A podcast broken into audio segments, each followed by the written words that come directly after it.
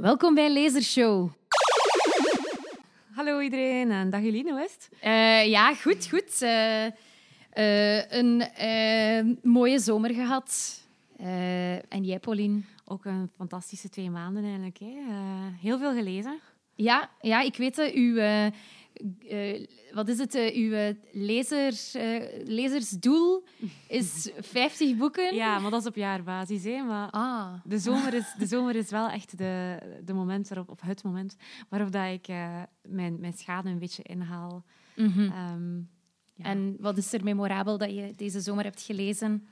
Memorabel qua pagina's zou ik toch wel zeggen Het Achtste Leven van eh, Nino Harachiwila. Of, of, ja, het is een heel moeilijke naam. Het is een Georgische naam. Eh, excuseer mij als ik het verkeerd uitspreek.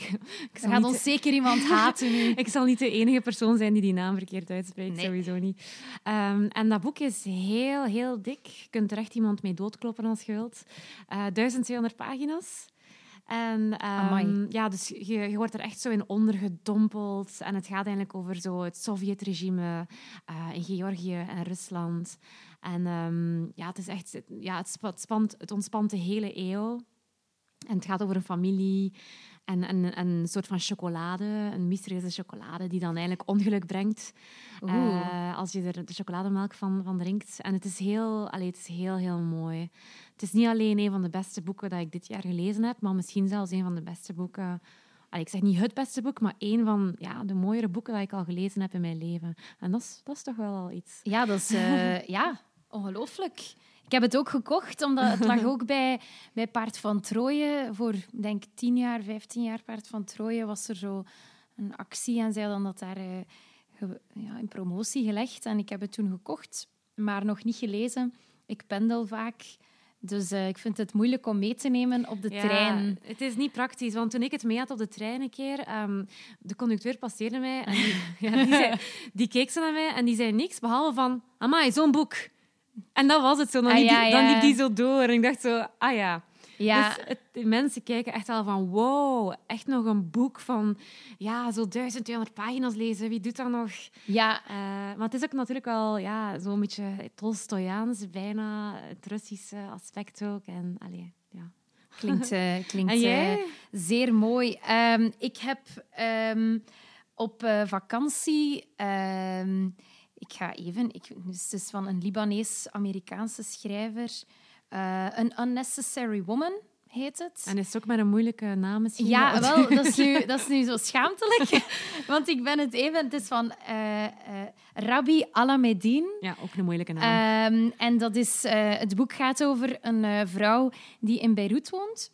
Eh, het speelt zich af, ik denk rond het jaar 2005 ongeveer. En ze, ze vertelt eigenlijk over het leven in Beirut en hoe dat die, die stad het slachtoffer is geweest van zoveel conflict, van zoveel leed. En, maar dat zij zo verknocht is aan, aan, aan Beirut zelf. En dat zij, ja, ja, zij, zij spreekt over die liefde voor haar stad. is het dan is het fictie? Of Het is fictie, het Ah, is ja. fictie. En zij is een, eh, een, een boekenverkoopster altijd geweest, maar zij is nu oud en dus ze, ze zit een beetje verschanst in haar appartement, ook omdat er heel vaak nog bombardementen zijn of zijn geweest. Eh, en zij, ze, ze heeft in niemand vertrouwen, behalve in Beirut en ook in literatuur. Dus het boek is, is eigenlijk doorspekt van de ehm, eh, referenties aan eh, verschillende auteurs. Eh, ze vertelt, zo, alle auteurs die erin komen zijn bestaande auteurs en werken van veel Europese auteurs ook, die ik nog niet kende. Dus ik heb heel veel onderlijnd en dan ook opgezocht om dan misschien in de toekomst te lezen. En het is geen vrolijk boek. Maar wat ik mooi vond, is dat je dus, als je houdt van literatuur, je leert heel veel bij over literatuur. Nieuwe namen voor mij, persoonlijk. Eh, en ook veel over het Midden-Oosten en over, over Libanon en zo, waar dat ik persoonlijk ook heel weinig over, over weet. Eh, en het eindigt ook niet eh, super dramatisch of zo. Dus, Oh ja, nee, stop ik maar, bedoel, stop ja, maar. Allee, nee, nee, nee, ik bedoel, het is geen vrolijk boek, maar ja. En ik, ik zou het eigenlijk wel aanraden aan andere mensen. Ja. Aan- aan Maar het is, geen, het is geen lichte vakantieliteratuur, als ik het zo hoor. Geen, geen, beach read, like dat ze zeggen. Nee, het is strand niet... eh, langs nee. het zwembad. nee, nee, nee, nee, helaas. Ah ja, maar wel, wel... Het is niet super complex. En de moeite waard. Het is de moeite waard. Voilà, An Oké. Unnecessary Woman. Ik denk dat het een... Ik weet het niet hoe dat het vertaald is in het Nederlands. Eh, Oké, goed. dus vandaag eh, gooi je het over een andere boek. Ehm, we gaan het hebben over... Pauline, zeg het. Drie vrouwen. en de Engelse titel is Three Women. Een heel gehyped boek ook. Ja, Ehm, ja, van Lisa Taddeo. Ja, de schrijfster natuurlijk ook. Italiaanse naam, Taddeo. Ehm, en ehm, toen ik het boek kocht in de winkel, zei de verkoopster van ja, dit boek heeft echt een belachelijke hoeveelheid aandacht gekregen in de media. En allee, het is echt bijna overdreven, zei ze. Ehm, en het was ook daarom eigenlijk ja, dat ik het wou lezen, omdat ik het ook echt wel overal zag. Ja, waar heb je het eerst gezien? Dat weet ik niet meer, maar ik denk ergens op Instagram. Dat Ja. het zo een beetje gehyped werd door eh, een of andere groep. Ja, de cover valt ook wel, wel nog op, omdat het is eh, met allemaal... eh, het is een stil leven met allerlei soorten vruchten. Ehm, en eh, ja, ik, ik zag het voor het eerst... Ik zag er iets over verschijnen in de standaard der letteren. En ja, waarover gaat het? Ja, waarom boeit het ons misschien? Ja, de titel alleen al is, is ja, gewoon Three Women. En dat is ook waar het over gaat in feite. Het Ja. zijn drie verhalen eigenlijk dat we krijgen. Dus elk hoofdstuk is weer allee, een van die drie vrouwen waar we dan eigenlijk, ehm, die we eigenlijk een beetje volgen. Ja, en dan Ehm, specifiek over hun verlangens en seksleven. Ja. Ja, dat is hoe het ook wordt geadverteerd. Hè. Ja. Dat is een beetje de... Hoe zeg je dat? Ja, waar, waarmee dat ze de lezer proberen lokken. Het gaat eigenlijk over ehm, het seksleven van vrouwen en hoe dat zij het ervaren en wat dat verlangen betekent. En het is volgens Tadeo zelf een antwoord op Gay Talese eh, en eh, Thy Neighbor's Wife. eh, of Your Neighbor's Wife. Ik heb mijn huiswerk niet helemaal goed gemaakt. En dat was een... ehm, eh, dat is verschenen in de jaren tachtig en dat ging ook al over het seksleven van Amerikanen. Maar meer zo, ik denk het, schanda het schandaleuze, of zeggen het schandalige. eh, aangezien dat Talese dan zei van eh, ja, ik heb gewoon met heel veel vrouwen seks gehad om erachter te komen. Ik denk getrouwde vrouwen seks gehad of zo. En ehm, Lisa Taddeo eh, was ook met hem gaan praten omdat ze zei van ik wil iets gelijkaardigs doen, rond, maar dan vanuit de vrouwelijke kant. En dan had hij aan haar gezegd, ja, je kunt gewoon ook met heel veel mannen naar bed gaan en dan daarover schrijven. Ah, dat En, wist ik niet. ja, en die, dus die gay, gay ja, heeft een beetje een, misschien een eerder bizarre voornaam. Die eh, is wel een bekende journalist in de VS, want ze zei ook dat ze buiten wandelde uit zijn, eh, na dat gesprek en dacht van oké, moet ik nu dat advies opvolgen en gewoon op die manier mijn informatie vergaren. Maar dat heeft ze niet gedaan. Wat heeft ze wel gedaan? Ze heeft in feite, ehm, ja, ze, heeft, ze is gestart met meerdere mensen dat ze eigenlijk wilde opvolgen. Ehm, en uiteindelijk is ze geëindigd met drie vrouwen. En dat zijn dus eigenlijk, eh, ja, het genre is eigenlijk non-fictie in principe. Ja, ja, Het leest als een roman, vind ik persoonlijk, maar het, genre wordt eigenlijk ehm, ja, gelinkt aan, aan journalistiek bijna. En, en dat is eigenlijk non-fictie. En in die drie verhalen van die drie vrouwen eh, heeft, heeft Lisa Taddeo eigenlijk echt acht jaar die vrouwen geschaduwd, gevolgd. Ze heeft duizenden uren doorgebracht met hun. Ze heeft hun dagboeken gelezen, e-mails van hun gelezen, social media gecheckt. Ze heeft hun geïnterviewd, maar ook de omgeving, de Ja. familie. Ehm, ze heeft krantenartikels verzameld over die vrouwen, want allee, sommigen hebben inderdaad wel wel meegemaakt. Eh, Ja. Gerechtsverslagen. Ehm, ze heeft zelfs op een gegeven moment gewoon is ze verhuisd om dichter bij die vrouwen Ja. te wonen. Een van die vrouwen, eh, dus, dus de drie vrouwen heten Maggie, Lina en eh, Sloan. Ja. En zij is gaan wonen in Indiana, waar Lina eh, woonde.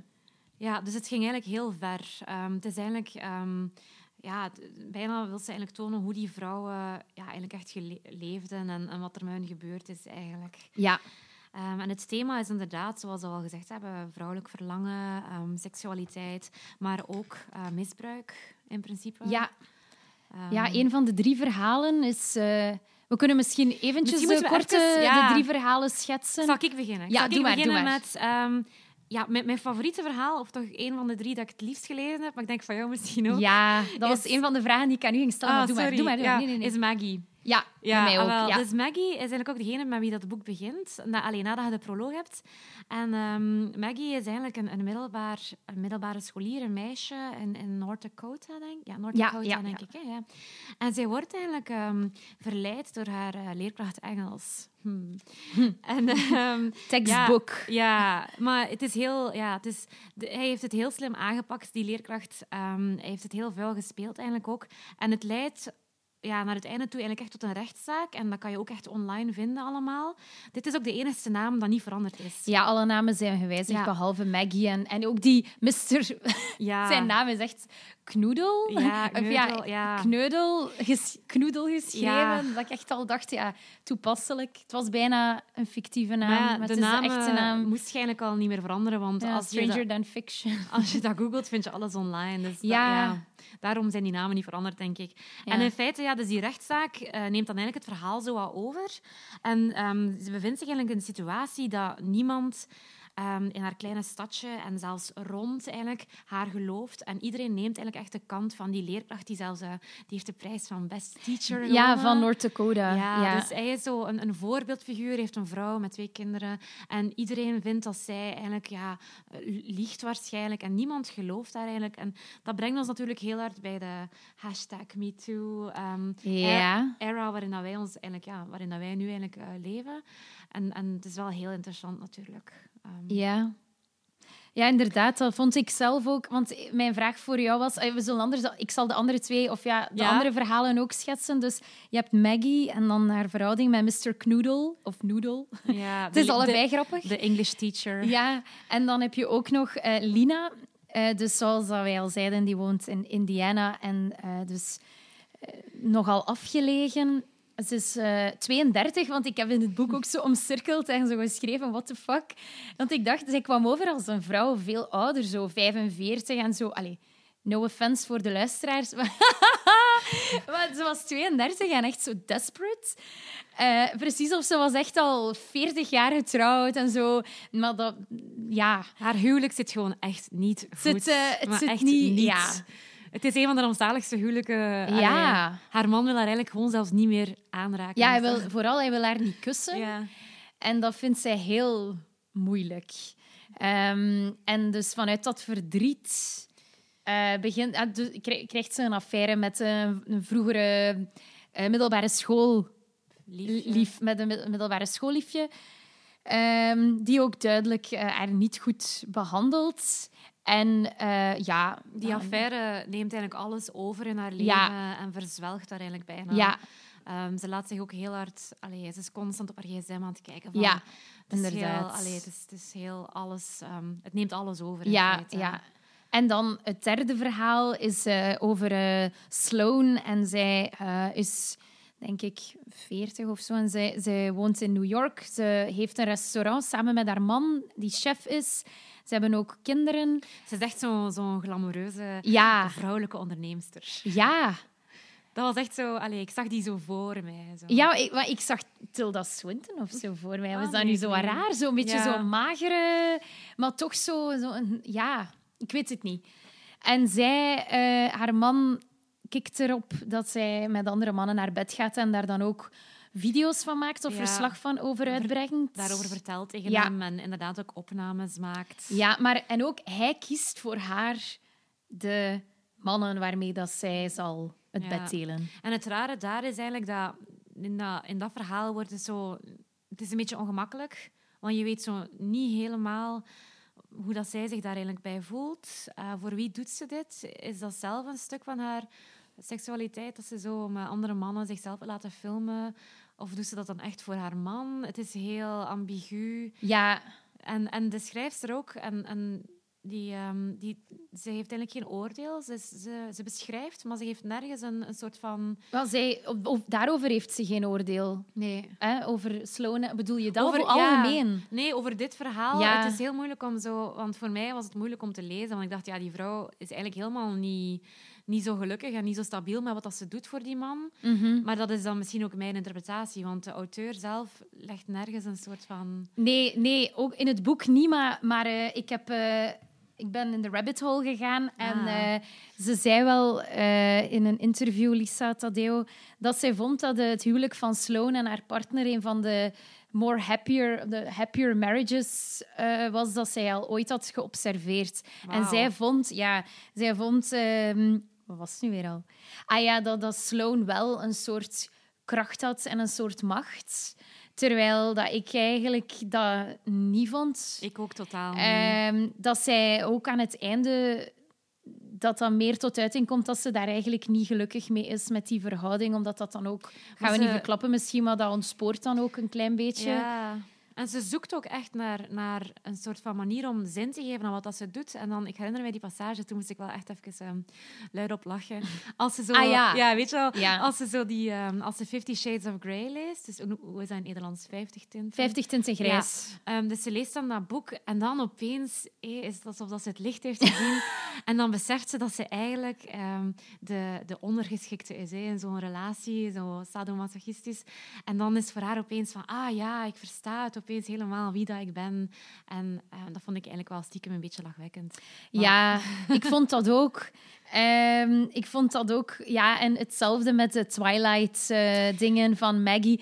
Maar ja, het probleem is, want ik heb ook online gelezen eh, van eh, een recensent die zei van.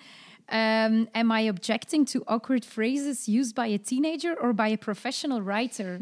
dus omdat het soms zo. Ik dat weet heb niet, je, het is non-fictie. het de is een grenzen- fictie, dus. De grenzen zijn dun, hè? Ja, want natuurlijk, Tadeo heeft, niet heeft dat waarschijnlijk niet verzonnen. Die zal zich daar wel echt mee geïdentificeerd hebben. Maar het is natuurlijk ook haar keuze om die passage erin Daarin te te zetten. Hetzelfde met Twilight.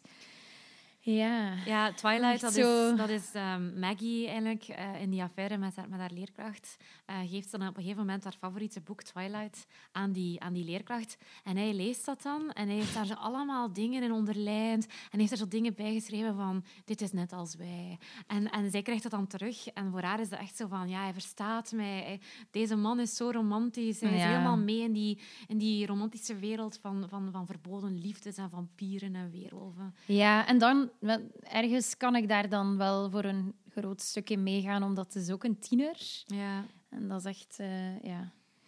Oké. Ehm, vind jij, kan je ermee identificeren? Vind je dat, denk je dat als veel vrouwen het lezen, dat ze zeggen van ja, ik voel mij ook zo, of ik heb mij ooit al zo gevoeld, of... Ik denk het wel, anders zou het niet zo'n hype zijn, denk ik. Ja, Ehm, en ook als je zo wat commentaren gaat lezen, denk ik het waarschijnlijk wel. Maar persoonlijk ehm, vond ik eigenlijk ehm, de hele hype een beetje overdreven.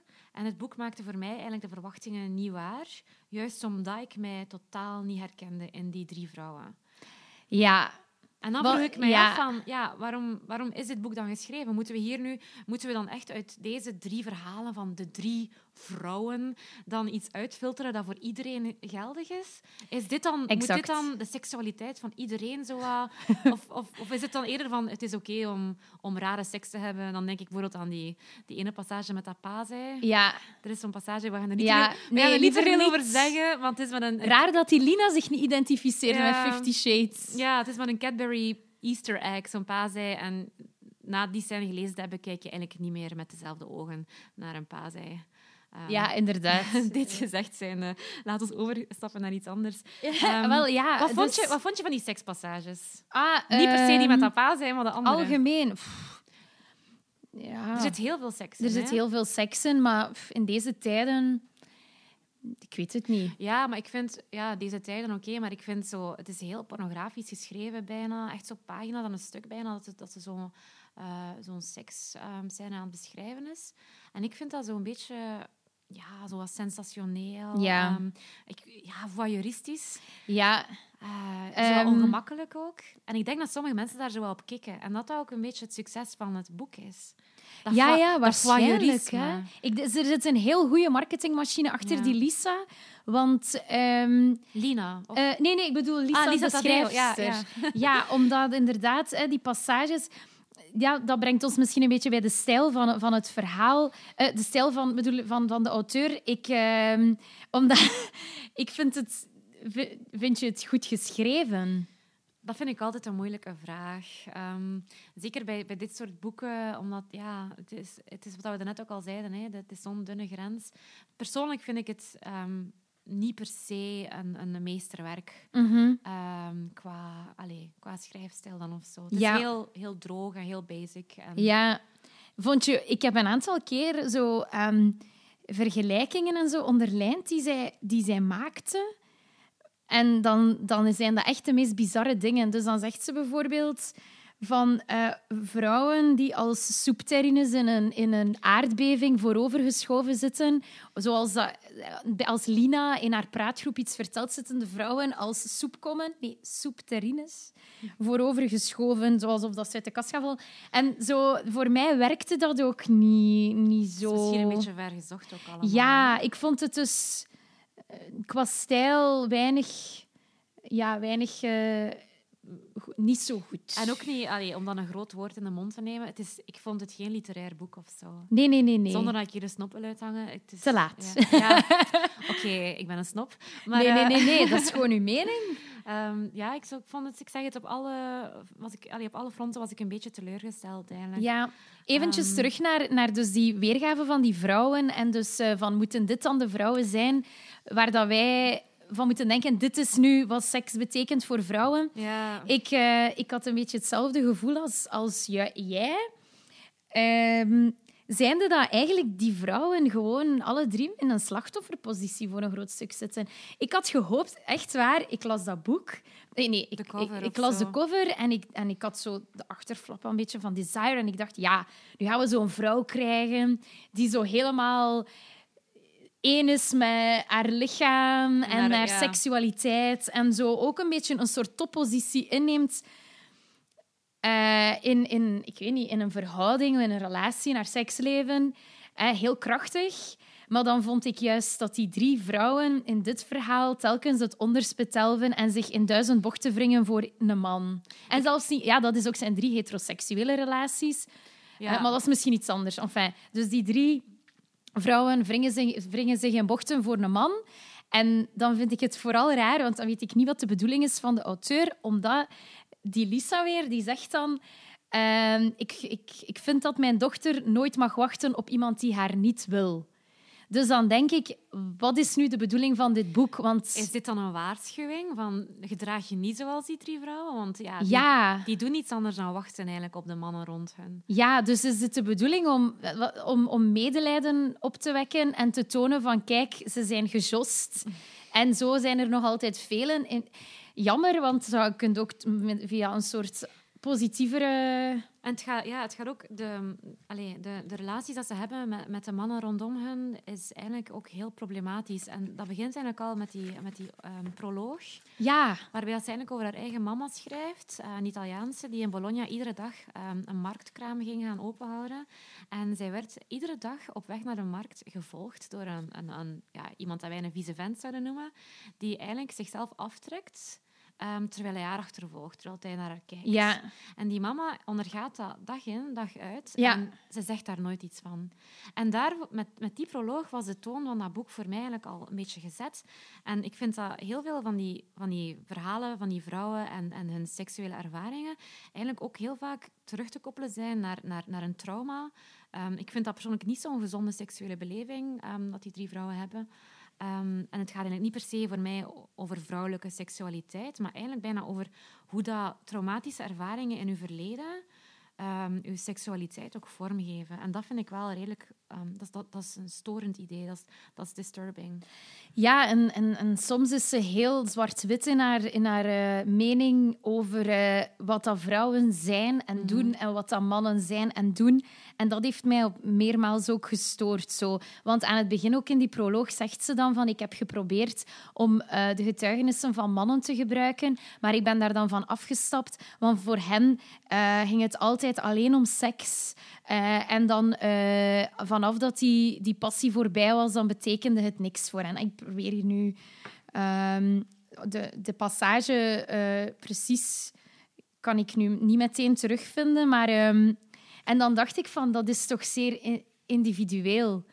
Ik denk dat je even goed een, een, een verhaal of ja, een, een, hoe zeg je dat, een verslag kan schrijven van drie mannen die ook Zeker. emotioneel eh, in de knoop liggen via, door en seksueel gekoppeld daaraan. Dit is niet gebonden aan het vrouw zijn. ja, en dat vind ik wel een beetje dat ze echt die kaart trekt van... Want het zijn vrouwen en vrouwen hun emoties zit daar heel sterk in verwikkeld. En ja, Maar ergens heb je ook zo'n beetje het beeld, zeker dan met het einde van dat proces, zo van ja, vrouwen zijn toch wel een slachtoffer in deze maatschappij. ja, en dat zegt ze ook bijna expliciet. Is Hè? dit dan de conclusie van dit boek, denk ik? Van, Ja. Heb ik daarvoor die, die, allee, dat zitten lezen om dan tot de conclusie te komen dat we toch nog altijd een slachtoffer zijn? Ja, exact. De, er zijn, dan zegt ze zo van, in, in sommige delen van dit land zijn, de, ze- er zijn mannen en vrouwen en in sommige delen van dit land zijn, eh, de, zijn het de ene die de andere nog overheersen. Ah ja, en ook zo van die dingen als bijvoorbeeld eh, wanneer meisjes... eh, dus in het Engels staat er... When girls are without fathers, they look under every manhole cover. Dus zo van... Hè, dus, dus zij zoeken dan overal naar een vaderfiguur. Ja, dat is een beetje... En zo'n manhole cover zoals een gat in de straat, Ja. waar dat dan... Dan, ja, ik weet niet. Dat is ook een beetje goedkope Freud of zo. Ja, ja zo, zo psychologie Ja. eh, uit, uit de li- libel. Ja. Ja. En ook, ja, het, het boek noemt Three Women, maar vergeet je niet, het gaat ook heel veel eigenlijk. Al die drie vrouwen in die verhalen, het, ja, het gaat eigenlijk ook over de mannen rondom hen, die eigenlijk eh, die vrouwen bijna bepalen. Hmm. Ehm, je hebt zo die, de creepy leerkracht, ehm, de misbruiker eigenlijk, de echtgenoot, die, die, ja, die zijn, die zijn zo'n beetje de, de koude echtgenoot. En dan de, de boyfriend die terug in de picture komt, die haar als shit behandelt. Het zijn zo, wat jij zei net van dat zwart-wit, het zijn bijna zo wat te stereotype ehm, mannenfiguren ook, vind ik, in dit boek.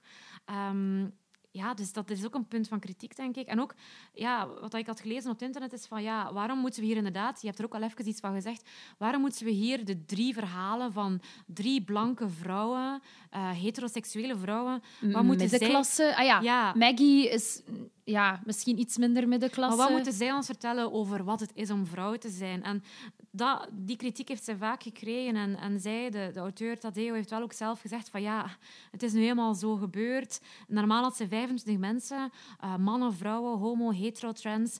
eh, maar velen zijn afgevallen in dat proces. En eh, mensen waren bijvoorbeeld toch bang om herkend te worden. En ehm, het is eigenlijk echt zo gegroeid dat er maar, op het einde maar drie figuren overbleven. En dat waren die drie vrouwen.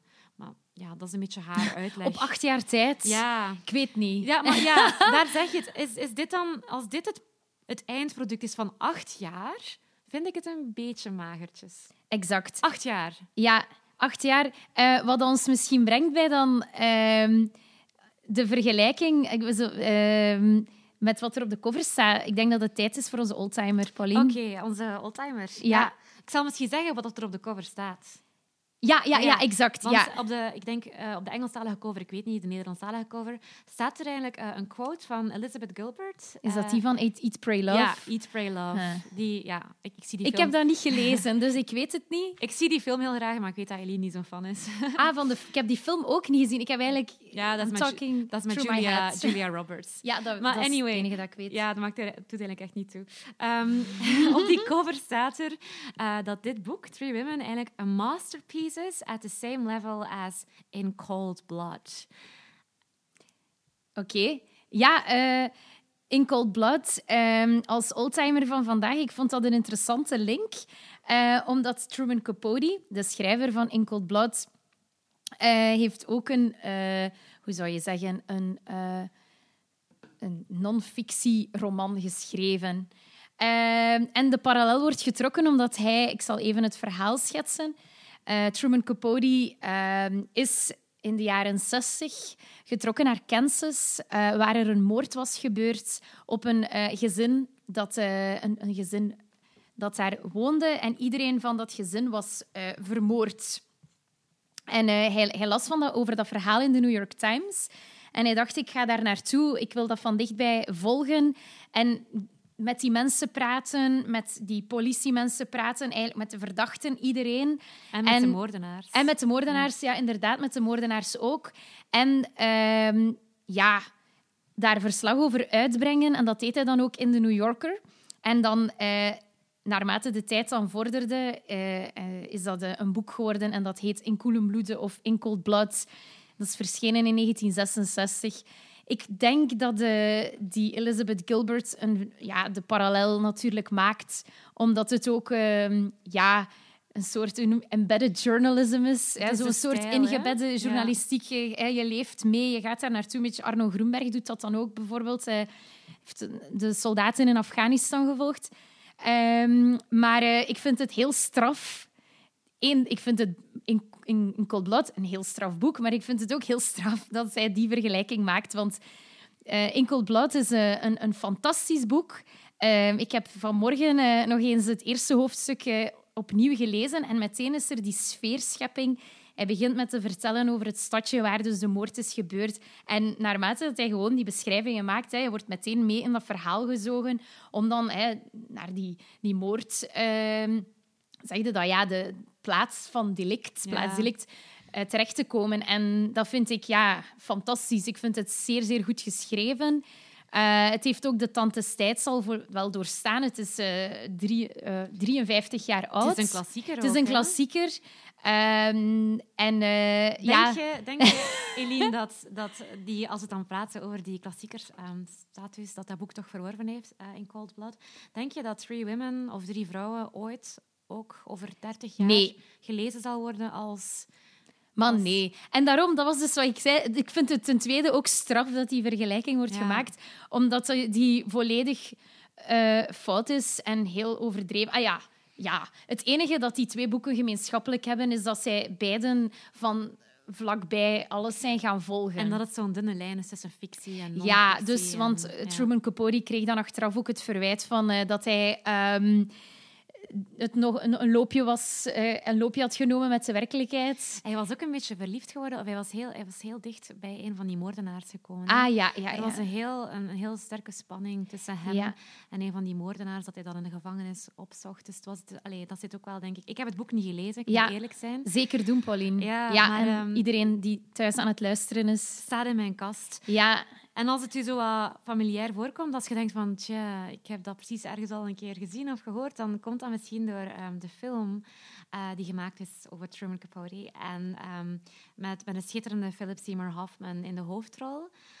Um, hij heeft zelfs de Oscar gewonnen daarvoor. En daar, in die film zie je eigenlijk heel dat proces van hoe dat hij naar Kansas trekt. En uh, zijn vriendschap ook met Nell Harper Lee, toch een andere figuur uit de Amerikaanse ja. literatuur.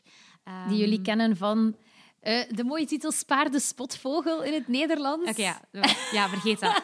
dit, dit klinkt beter. To Kill a Mockingbird. Dankjewel. Ja, dat is inderdaad... Uh, het is altijd een beetje raar, hè, die vertalingen. Ja. Allee, Three Women, Drie Vrouwen, dat is, dat is, dat is goed. Ja. Maar um, ja, Spaar de.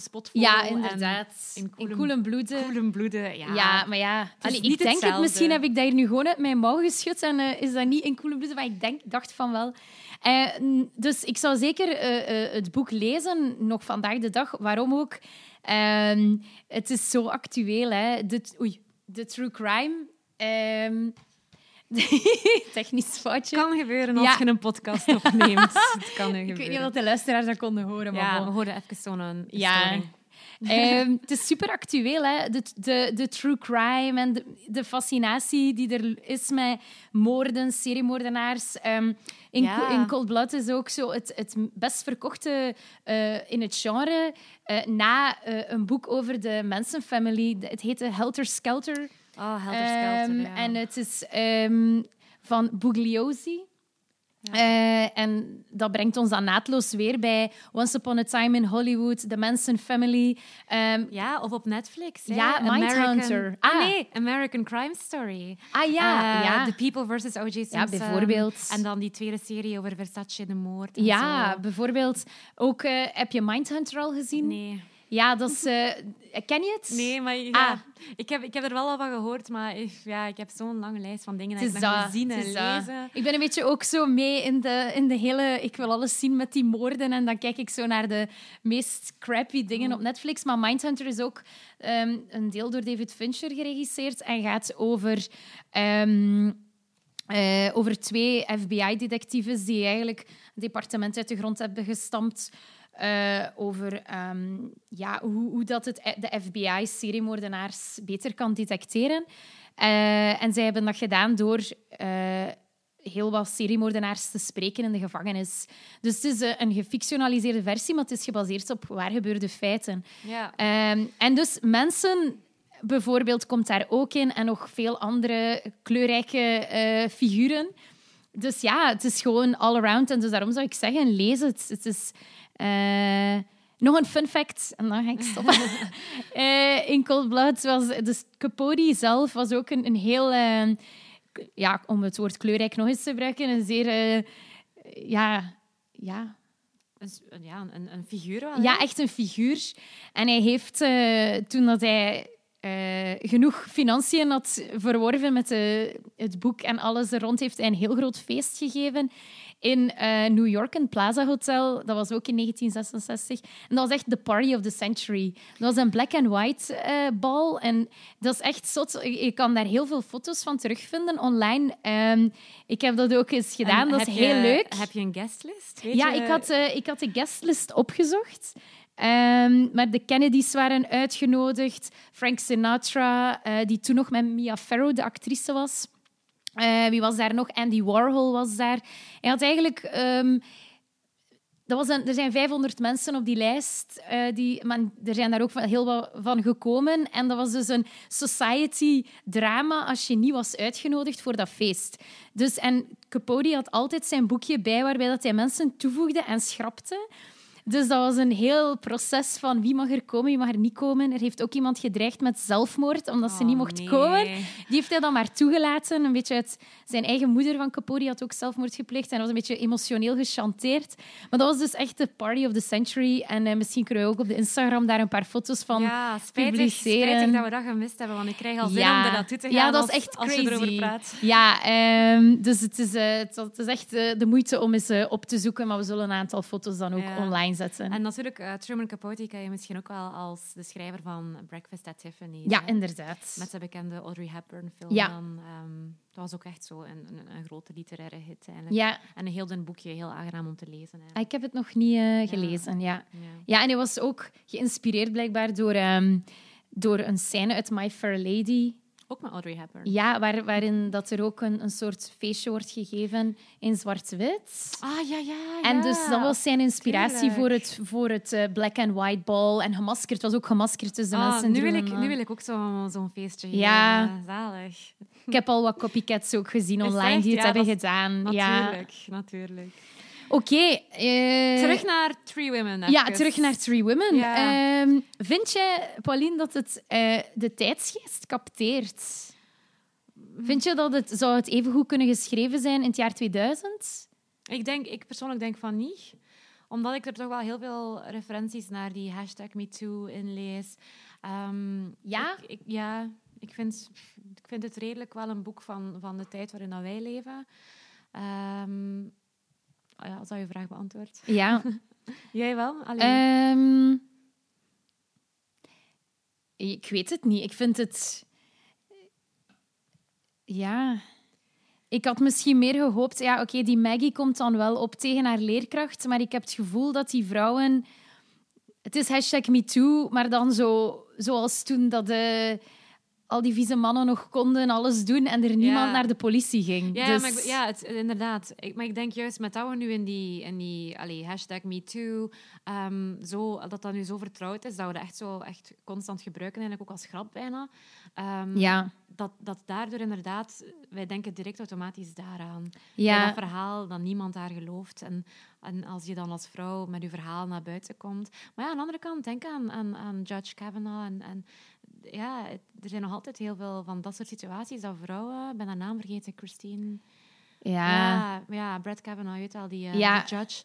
Ehm, dat, nee, het was geen judge, wat was zij? Anyway, maar dus dat, dat vrouwen echt gewoon Van het praten. Hè, ja. Ja, en, en dat ze gewoon, wat dat ze zeggen, gewoon niet geloofd wordt. En dat zit ook wel heel hard in dat boek hier, vind ik. En ik denk... Christine Blasey Ford. Ah, voilà. Ja. Christine Ford, ja, Ja. dat was het. Ik denk, als ik dan toch... Want op zich vind ik het... Allee, ik ben blij dat ik dat boek gelezen heb. En, maar ik was gewoon een beetje te... Allee, ik vond... Het is zeker niet het beste boek van het jaar, zoals sommigen zeggen. Nee. En ik vind ook niet dat iedereen het onbedingt moet lezen, want als het je niet interesseert, dan ja, zo so be it. Maar het enige dat ik dan misschien wel nog, allee, als ik dan toch iets positiefs nog zou willen zeggen om, om wat af te sluiten, zou ik zeggen dat ehm, wat ik dan wel heel goed vind, is dat ze wel zo die seksualiteit uit die taboesfeer haalt. Dat ze daar echt gewoon over schrijft. En ehm, dat, dat ze ook zegt van... Zij zegt dat ook zelf van... Ik hoop dat vrouwen zich wat minder alleen gaan voelen als ze dit boek lezen. En, en dat, er, dat, dat mensen zien dat er verschillende soorten verlangens zijn. En, en dat vind ik dan wel weer goed, dat ze dat allemaal bespreekbaar maakt. Zij het Mhm. dan op een manier dat wij dan misschien ehm, een beetje karikaturaal vinden. Hè? Maar ik, op Ja, zich- want de verlangens van die vrouwen zijn ook niet... Ja, hoe moet ik het zeggen? Vind je, vind je dit boek taboe doorbrekend of niet? Nee. Ik weet niet waarom, maar ik vind dat niet. Ah, ja. Omdat ik... Ja... Hoeveel boeken heb je dan misschien al gelezen waarin dat er echt zo bijna pornografische Ah. passages zitten? Nee, maar ik, ik, ik vind niet per se dat door dat, dat zo te schrijven, dat dat daarom taboe doorbrekend Mm. is. Ik weet niet, ik kan het moeilijk onder woorden brengen. Ja, misschien is het omdat ik dus het, het miste, het krachtige erachter miste, dat zou ik taboe doorbrekend vinden. Ja. Dat het meer ging over wat wil de vrouw en niet wat wil de vrouw in functie van die man die eigenlijk haar verlangens voor een groot stuk stuurt. Want dat heeft mij ook een beetje gestoord. Ik las online eh, in, een, in een review van The Guardian dat, eh, dat volgens de recensent daar, ehm, dat Lina, dus die een affaire aangaat met haar vroegere high school boyfriend, ehm, dat Lina heeft zo een seksuele connectie gevonden dat ze niet zal settelen voor een, een lesser affection, dus voor iets dat minder zo aanvoelde dan wat dat ze voelde bij die Aiden, denk ik. Ja, De Aiden was zijn naam. Ja. Terwijl dan denk ik, ja, maar dat was ook... Waarom voelde zij zich zo? Voor een groot deel was dat omdat hij haar behandelde, volgens mij, als een stuk vuil. En dat zij een soort... Dat zij in die verwerping haar verlangen zo kon opbouwen. En dat vond ik... Ja, dan, dan denk ik zo, is dat niet een soort... eh, nogal een triestige manier. Want dat, kan, dat zijn dingen die ook op loszand gebouwd zijn. Zo, ja. ik snap wat je bedoelt, maar ik denk dat dat wel de realiteit is voor veel mensen. Ja, ja, ja, ja. Ehm, Ja, dat is waar. als ik dan vraag in verband met... eh, misschien moeten we gewoon even de, de laserstralen zeggen. Aangezien Ah, dat ja, we toch ja, onze mening aan het zeggen zijn. Ja. Hoeveel laserstralen geef je dit boek? Ik geef het... ehm goh, ik denk... Drie? ja, ik had ook drie laserstralen. Ja. Voilà. Drie laserstralen? De laserstralen zijn toegekend. Ja. Ehm, mag ik nog iets... Mag ik nog, nog iets eh, ja, nog iets eh, te zeggen? Ik vond, ja, ik vond nog één ding dat ik misschien... Vind jij dat het eerder gaat over hoe dat vrouwen andere vrouwen bekritiseren of over hoe dat mannen andere vrouwen bekritiseren? Volgens Tadeo zelf gaat het vooral over hoe dat vrouwen andere vrouwen ja, bekritiseren. Dat heb ik daar nog niet per se in gelezen. Behalve dan misschien met die praatgroep waar een van die vrouwen, ehm, Lina, in zit. Dat vond ik nu niet echt een thema. Maar Ja, dat zij dingen doen in, voor de anderen. Dat ze bang zijn om, om iets te doen omdat ze weten dat ze gaan commentaar krijgen of zo. ja, dat zit er op zich wel voor een stuk in. Want volgens haar is dat echt zo de... Ze noemden het zelf de, ja, de crux. Of de, Ik vind dat helemaal niet, eigenlijk.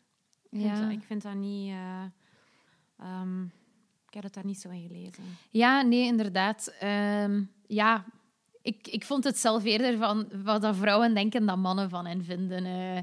maar ja, bon. Of het beeld. Het beeld, ja, inderdaad.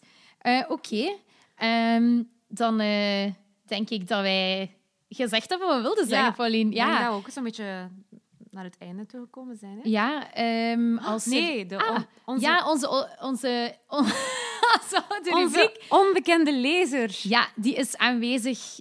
Die was aanwezig en die wil graag nog iets vertellen. Ja. En eh, dan gaan wij afronden en dan hoop ik dat wij jullie terug mogen verwelkomen bij ons in een volgende aflevering. Ja. En wat gaan wij dan bespreken? Eh, Weten we dat al? We weten het nog niet helemaal. We zijn nog wel aan het twijfelen. Ja, we zien wel op Instagram. Ja, we houden jullie wel op de hoogte. Tot ziens. Dag. Dag. Eh, mijn lievelingsboek, of een boek dat ik iedereen zou aanraden, is Fire Next Time, geschreven door James Baldwin. Hij is misschien, denk ik, nu wel wat bekender door de film I Am Not Your Negro en ook If Beale Street Could Talk. Ehm, maar toen ik het boek las, was hij helemaal nog niet zo bekend in België. Misschien wel in de Verenigde Staten, maar in onze contrij helemaal niet. Ehm, ik heb hem leren kennen uh, op de universiteit door een van mijn docenten. En sindsdien ben ik gewoon niet meer weg te slaan van het boek. Het is uh, non-fictief en uh, vooral het eerste essay in het boek spreken wij het meeste aan, omdat hij schrijft naar zijn 14-jarige neefje. En daarin schrijft hij over ehm, de situatie in de jaren 60 in de Verenigde Staten, over hoe het is om te leven als een zwarte man in een toch wel best racistische omgeving nog altijd. Ook al is het in uh, New York City, waar het een beetje liberaler was, maar toch vond hij het zeer moeilijk om um, daar te leven. En ook als het blijkt dat hij ook nog eens een homoseksuele man is en een zeer religieuze familie. Um, en daarom schrijft hij naar zijn neefje, omdat hij wil laten weten hoe het was voor hem om op te groeien in die situatie. En misschien om het beter te maken voor zijn uh, klein neefje. En het is gewoon heel pakkend en hoe hij het omschrijft is zeer poëtisch en heel mooi. En daarom zal ik het iedereen aanraden.